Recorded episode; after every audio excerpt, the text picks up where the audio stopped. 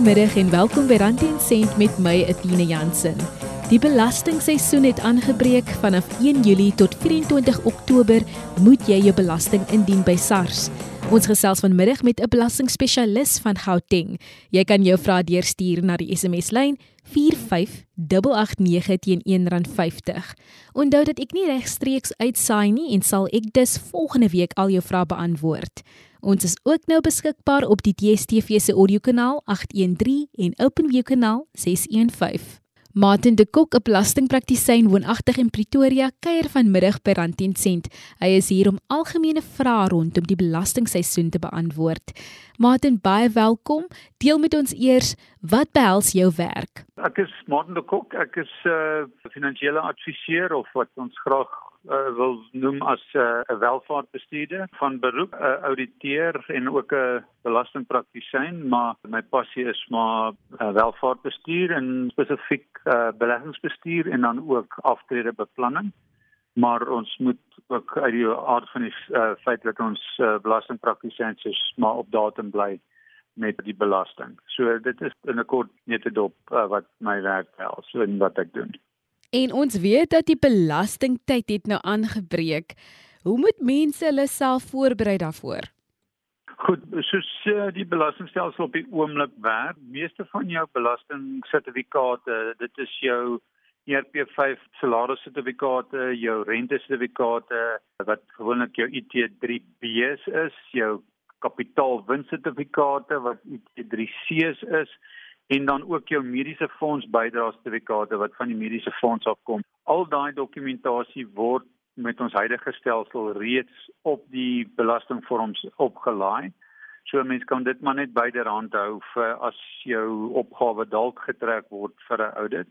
En dan die ander inligting wat 'n mens moet byhou is addisionele inligting. Dit is goed waar jy dalk 'n alternatiewe besigheid het aan die een kant of moontlike tweede eiendom wat verhuur word waar jy net jou strokies van uitgawes wat verbonde is aan die besigheid moet byhou. Gewoonlik vra SARS dit nie aan nie, maar indien hulle jou belasting trek vir oudit, kan dit wees dat hulle daai inligting sal wil hê wat jy dan moet aan hulle bewys lewer. En dan ook uiteraard as jy 'n motortoelaat het wat jy addisionele afskrywing teen die motortoelaat wil eis dan moet jy 'n behoorlike logboek byhou en die inligting op die logboek moet redelik wel heidaglik moet dit baie volledig wees want baie eise word afgekeur omdat die die standaard of die formaat van die logboek nie voldoende is nie. So dit is basies die tipe inligting wat 'n mens moet byderhand hou en dit word ook dan gebruik deur of jouself uh, wanneer as jy nie jou eie belasting doen of uh, dit word oor oorhandig aan die belastingpraktisyn indien 'n belastingpraktisyn jou belasting namens jou by SARS op e-filing indien. Ek wou nou vra oor die spesifieke vorms wat jy genoem het en jy het 'n hele paar genoem. Is dit ons verantwoordelikheid om vir ons werkgewer hierdie vorms te vra of is dit iets wat outomaties ingedien word? Soos ek genoem het, die uh, die volgende vorms jou ERP5 is jou is 'n opsomming van jou salaris van die jaar en die belasting wat terughou en dan SARS oorbetaal is. Nou jou werkgewer is veronderstel om jou ERP5 vir jou te gee, maar ehm um, soos ek genoem het, uh, wanneer die werkgewer daai EMP501 dis 'n rekonsiliasie van al al die ERP5 sertifikate wanneer hy dit by SARS indien gebruik hulle daai inligting om jou ERP5e op jou belastingvorm reeds deur te trek. Maar soos ek net vroeër genoem het, indien jy wel geselekteer word vir audit, sal SARS wil hê dat jy daai ERP5 sertifikaat moet indien saam met jou ander uh, bewys uh, dokumente. So om net om op te som, jou werkgewer is veronderstel om vir jou ERP5 te gee. Hy hoef nie ingedien te word nie behalwe as jou um, belastingopgave getrek word vir 'n audit. Andersins sal dit reeds uh, in jou belastingvorm ingetrek word en dit sal reeds daar verskyn. So jy het ook vroeër genoem van die e-filing proses en dit is natuurlik waar ons aanlyn in kan dien.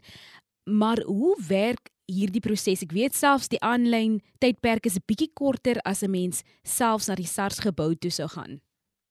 Ja, kyk, aanlyn is baie maklik. As jy, jy kyk op die webwerf by SARS e-filing, sien jy dit en dan gaan jy kan registreer as 'n belastingbetaler op daai webtuiste en dan uh, hoe dit werk is sou dalk al gehoor het dit word ek dink van verlede jaar of 'n jaar voor dit al deur SARS toegepas.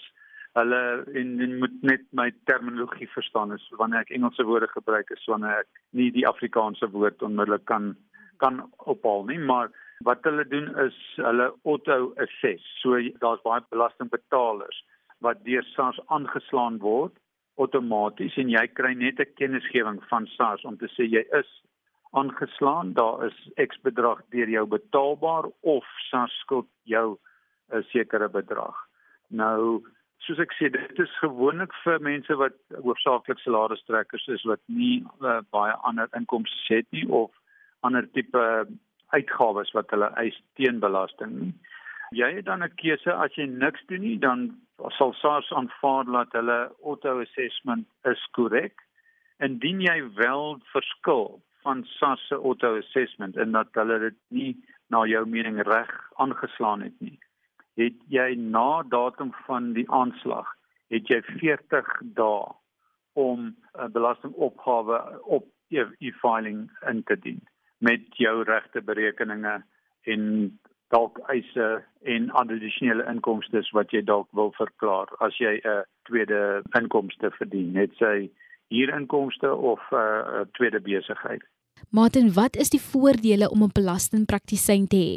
Ag ek dink die grootste voordeel maar is dat uh, mense sou verwag dat 'n belastingpraktisyn daarom op datum is met al die huidige belastingwetgewing ek dink indien jy nie belastingpraktisyn gebruik nie, kan 'n mens dalk geleenthede mis waar jy dalk uitgawes kan eis teen soos byvoorbeeld 'n reistoelaag, waar as jy die jou logboek bygehou het en jy eis teen 'n reistoelaag, kan jy 'n belasting terugbetaling ontvang wat andersins dalk as jy nie bewus was daarvan nie, sou jy dalk gemaklik die auto assessment aanvaar het en dan nie beswaar gemaak het deur 'n 'n akkurate belastingopgawe in te dien.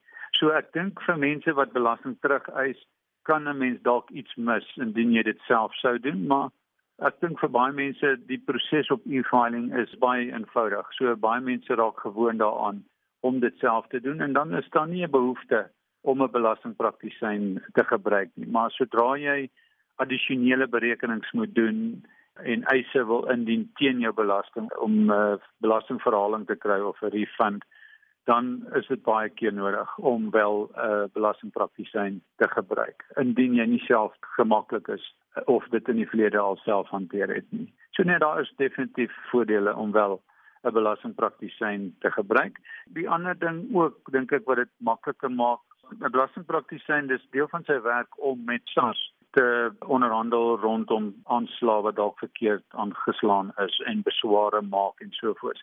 En daai administratiewe proses kan redelik uitgereg word en ook ingewikkeld raak en as 'n mens nie weet hoe om met SARS interaksie te hê nie, kan dit dat jou eise en goed baie langer vat om by SARS afhandel te word en jou besware.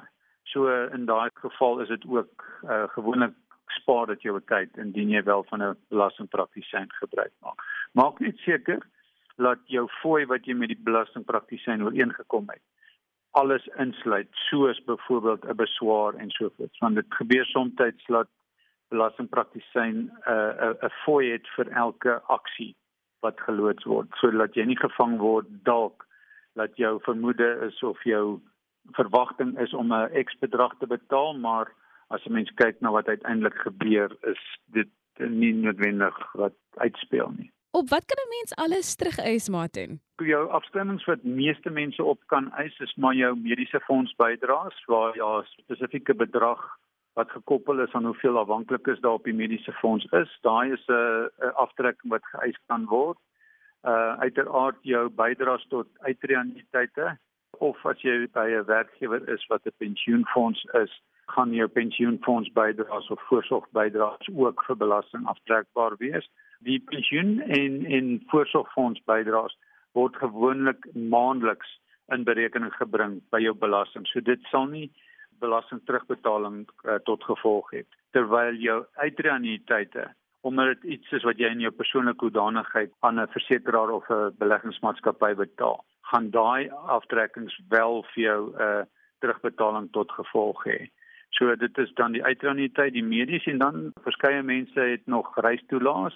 As jy 'n reistoelaag het, moet jy 'n behoorlike logboek byhou en indien jy die logboek byhou, sal jy jou op jou besigheidskilometers as dit vir in verhouding tot jou totale aantal kilometers gery, gaan jy 'n eis hê teen jou reistoelaag wat ook vir jou moontlike terugbetaling van SARS tot gevolg kan hê. En dan ook uiteraard as jy tweede inkomste het, soos tipiese viering van 'n huis of addisionele besigheid, kan jy enige uitgawes wat aangegaan is ter voortbringing van daai uh, inkomste kan 'n mens aftrek teen die inkomste en dan gaan 'n mens net op die wins addisionele belasting wel betaal. Maar let wel die opgawe moet aangegaan word direk en dit moet uh, verbonde wees aan die inkomste wat jy uh, verdien Maar dit in die geval waar ons belasting skuld, hoeveel tyd word ons gegee voor ons terug moet betaal? Gewoonlik word jou aanslag uitgereik enige datum in die maand en dan sal die die afsnydatum vir die betaling waarteen daai uh, betaling gemaak moet word die einde van die maand daarna wees. So om dit op 'n voorbeeld te stel, sê byvoorbeeld ek word aangeslaan die 15de Julie, sal dit dan die einde Augustus sal die geld wat aan SARS verskuldig is betaalbaar wees. So gewoonlik die einde van die maand daarna hou ook in gedagte dat mens kan met SARS onderhandel om 'n uh, afbetalingsooreenkoms aan te gaan waar jy dan bietjie rente betaal op die uitstaande skuld, maar dan kan jy dit in paemente afbetaal volgens uh, bedrag of hoeveelheid wat jy wel kan bekostig. En wat is die straf vir iemand wat versuim om hulle belasting dan te betaal? Gewone belastingbetalers wat nie vir voorlopige belasting aangeslaan word nie, hulle betaal nie voorlopige belasting nie, is dan maar net rente op die bedrag op die belasting wat tekort gehef is. So daar sal rente wees en SARS het op hulle webwerf het hulle uh, skedule of hulle noem dit die standaard rentekoers wat hulle hef op uitstaande skuld. So hulle sal rente hef teen daai koers en dit word op 'n maandelikse basis bereken. So op 'n gewone belastingbetaler wat nie vir voorlopige belasting geregistreer nie, is daar nie boetes nie. Op die voorlopige betaler, omdat hy in Augustus en in uh, Februarie betalings voorlopige belastingbetalings maak, as daar 'n tekort betaal is in die voorlopige betalings, dan is die boete van die tekort indien dit daar's redelike uh, vereistes as jou inkomste meer as 'n miljoen is, dan het jy 'n 20% grasie vir 'n uh, fout. So as dit binne 20% is, is daar nie boetes nie. As jou inkomste onder 'n miljoen is, uh, is jou grasie waarmee jy kan fouteer of verkeerde berekening doen, uh, 10%. So as dit met meer as 10% in die tweede geval of meer as 20% in die eerste geval verskil van jou uiteindelike belastingaanspreeklikheid, is die boete op die verskil is uh, 10% en dan addisioneel ook natuurlik die rente wat gegee word. Martin, toe ek oor see werk het ek iets soos 3.5% belasting terugbetaal in die land waar ek gewerk het en ek het nie noodwendig aan Suid-Afrika belasting betaal nie. So, hoe werk die proses nou? Het enige iets verander as ons oor see sou werk, moet ons nog tans belasting in Suid-Afrika betaal?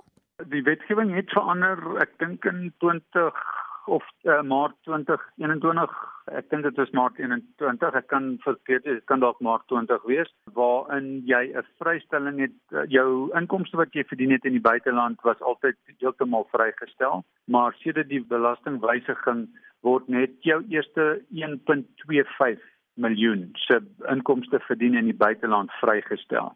So alles bo dit sal jy wel hierso op belas word maar Uh, daar is wel met meeste lande is daar dubbelbelasting ooreenkomste. Sê byvoorbeeld jy verdien meer as 1.25 miljoen.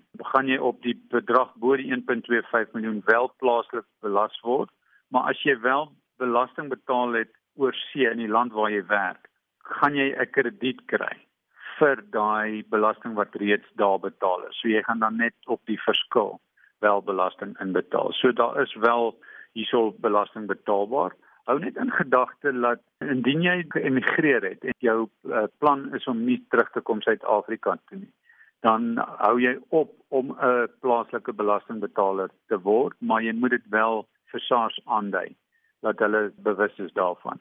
So dan gaan jy nie plaaslik belas word as jy nie meer 'n plaaslike belastingbetaler is nie.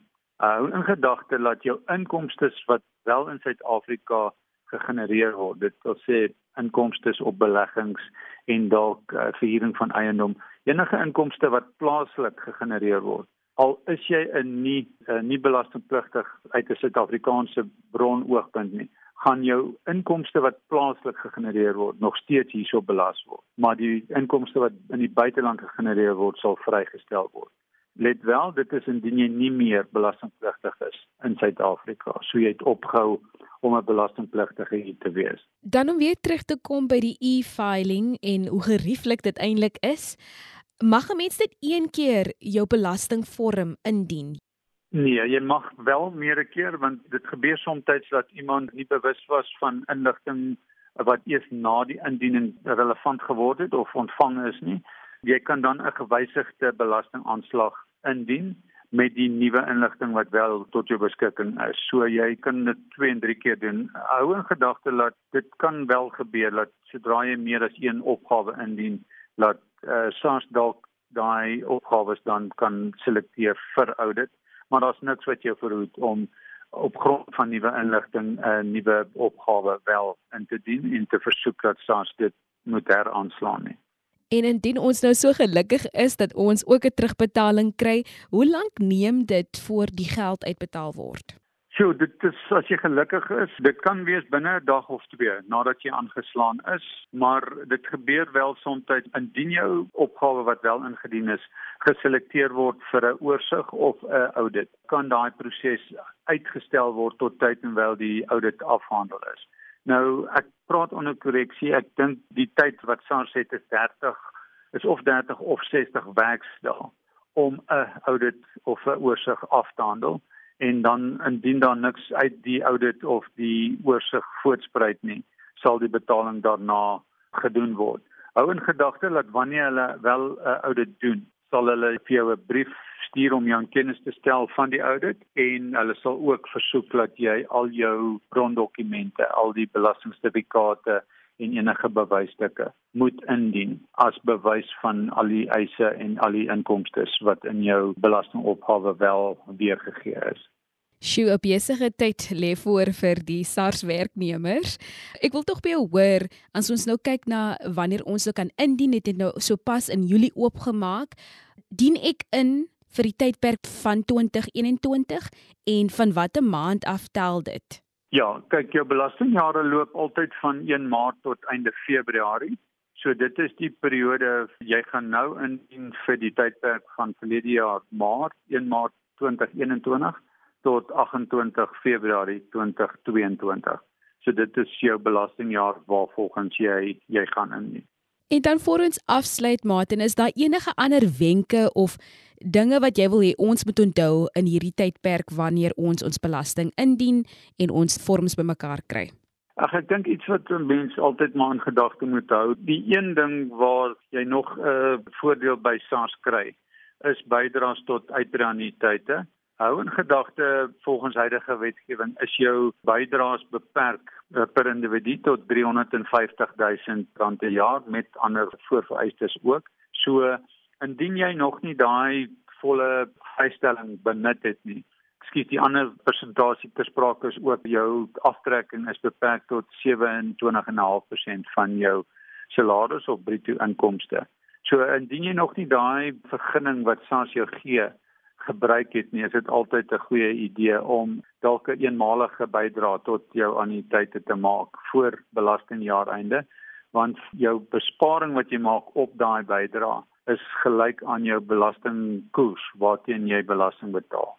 So dit is een van die min Engelse praat van 'n free lunch wat SARS jou nog gee is om jou aftrekkings toe te staan op jou bydraes tot anniteite. En dan ook om dan te kyk indien jy wel 'n reistoelaat het maak seker dat jy wel vir besigheid reis en dat die reistoelaat nie belaglik groot is nie dat dit elke jaar tot gevolg het dat jy moet belasting inbetaal nie. En dan 'n ander ding is ook maar om te kyk dat as jy ander bronne van inkomste het, maak seker dat jou belastingpraktisyn jou registreer vir voorlopige belasting dat jy nie sit met 'n probleem dat daar onnodige boetes is nie want die onus is op die belastingbetaler om te registreer vir voorlopige belasting. uh, indien hy wel kwalifiseer. Dit was Martin de Kok, 'n belastingpraktisyn. Baie dankie vir jou tyd vanmiddag. Indien die luisteraars enige vrae deurgestuur het, sal ons so ver moontlik vir julle volgende week beantwoord. As jy direk met Martin in kontak wil kom, sy e-posadres is martin@ascor.co.za. Ek gaan net die spelling deurgee. Dit is M A R T I N @stert a s c o r.co.za.